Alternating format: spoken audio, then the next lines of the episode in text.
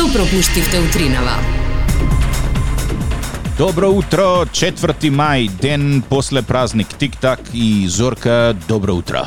Инстаграм може да најдете како TikTok и Зорка, на Facebook исто така може да најдете како TikTok и Зорка, а на радио се слушаме секое утро, секое, не е секое, од понеделник до петок, односно сите работни денови од 7:30 до 9:30.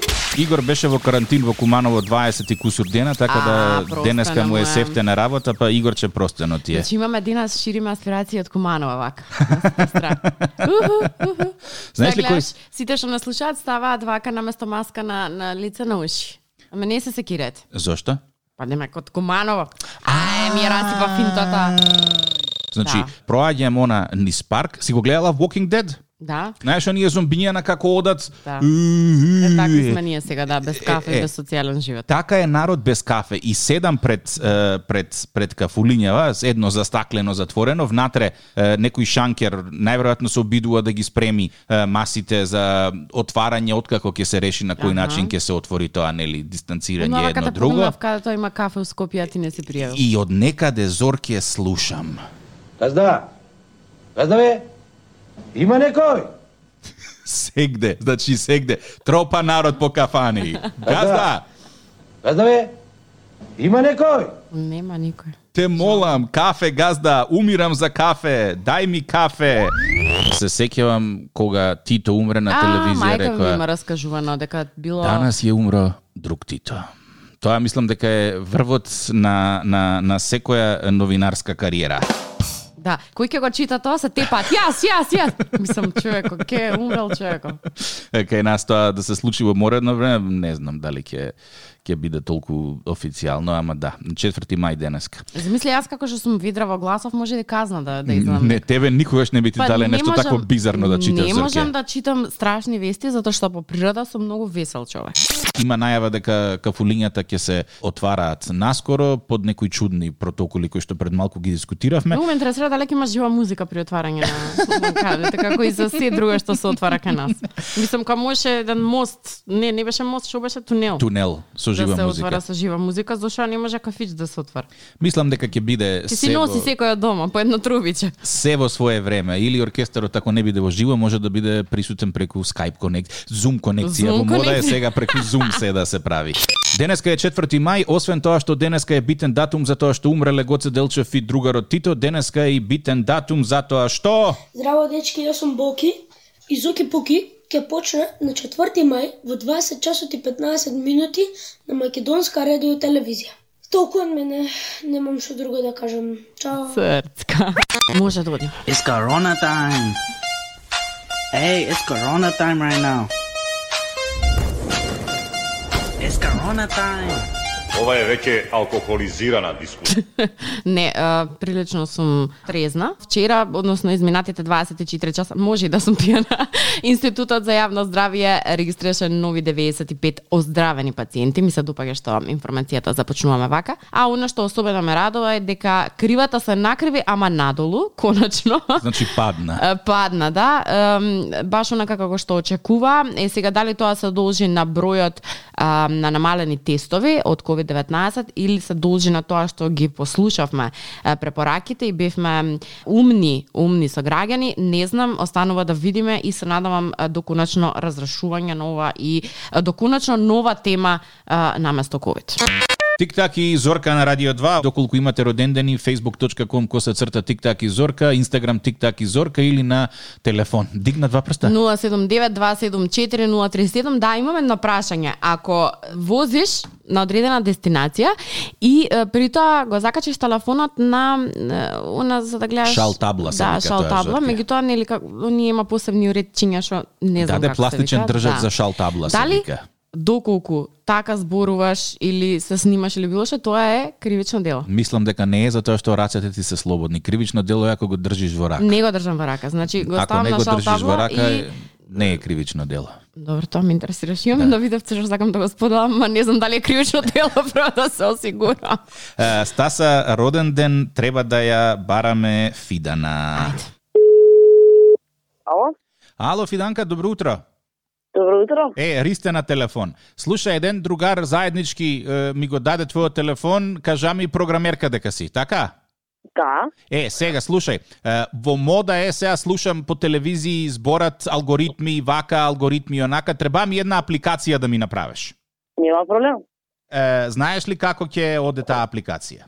Не. Значи сега вака, имам јас проблеми у браком. Не можам да се договорам со жена ми кога треба да се пишува домашно. И сега сакам ја да ти дам тебе некои параметри за да можеш ти тој алгоритмо да го направиш. И ако може, значи, врз основа на тој алгоритам, таа апликација по мејл да и пушта порака на жена ми кога треба домашно да се пише. Добро.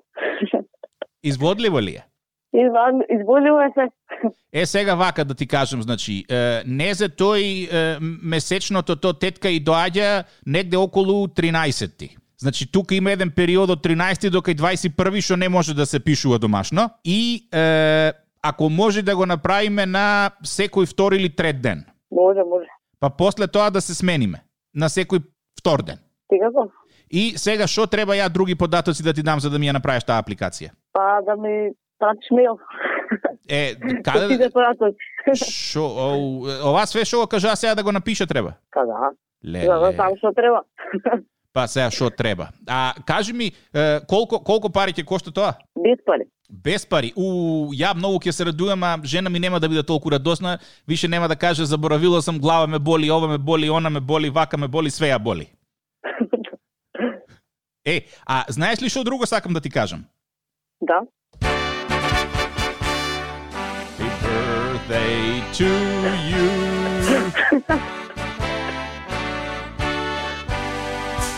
Happy birthday, dear Fidanka. Среќен роден ден. Е, сега јас имам уште неколку прашања. На таа така наречена апликација која што ти планираш да ја нарачаш, дали има опција да кликнеш ме боли глава, не сум расположена, не сум депилирана? Само ако стига нотификација по мејл кај мене. Па добро да, ама дали ќе има три опции? Може така да се направи фиданка? Може. Секакви опции може. Може. А може зависно од тоа колку а, редовно ќе се пишува домашно да стига извештај па да знам пример колку работи можам да добијам овој месец за таа. да се направи некое конто. Честиткава ти е од Честиткава ти е од Колева Емилија. А, сакаше на некој креативен и по различен начин да ти го започне денот и затоа не побара нас и баш ми е кеф што те насмеавме и што те расположивме денес на овој прекрасен ден. Фала ви многу е пир ме расположите и ме расуните убаво. Слушај, само што ова, ако евентуално правиш ваква апликација, те молам да бидеме првите што што ќе знаат и да имаме наков unlimited membership, нешто такво? Може? Да, обавезно значи со вас ја правиме целата идеја и Готово. заедно. Може да ти с- фотки од нашите фацки да ме да, не или може би за вечер. Може. Кликни ја фацката на ти. Што пие кафана денес се сложи со мене да се сликаш. Тоа е затоа што сакам мир во куќа. Бе, добро, помина со со добро, маш ми не знаеш што се купува и прави за да помине со мир во куќа. Имам две работи кои што сакам да ги начнам. Една од нив е поврзана со теории на заговор и ова 5G, MapG Леле. што ги трубат. Уште за тоа се интересираат се замараат луѓе? Е, уште се замараат луѓе со тоа. Да, ги интересира што може да направи 5G-то, па тоа ќе не следеле со алуминиум, па едно, друго, трето. Ја Со да ви кажам. алуминиум ќе не следа. Да, да, да, да, 5G-то е, се антени, а допрва треба да не чипираат со некои вакцини кои што содржат алуминиум, па нашите тела да бидат Значи, како вака антени. една работа ти кажам, куќата мене што ми избега беше чипирано, до ден денес не можеме да го најдеме. Не знам како очекуваат луѓе дека ќе ќе бараат на тој начин. Види, има многу поедноставен начин да следиш луѓе, тоа се вика мобилен телефон и име и број. Значи, ако некојаш ти го украле телефонот и си пријавила во МВР, еден начин да го најдат е да го следат по име и бројот. А се што треба да направат за да го следат по име и бројот е да укуцаат име и презиме како твој Значи не треба да се чипира ништо. Ништо не треба да се чипира, мобилниот телефон е сосема доволно, ама пуста Значи желба да се чипирам ја и клучевите, и мобилниот, и парите кои ќе си ги земам, кај ми одат.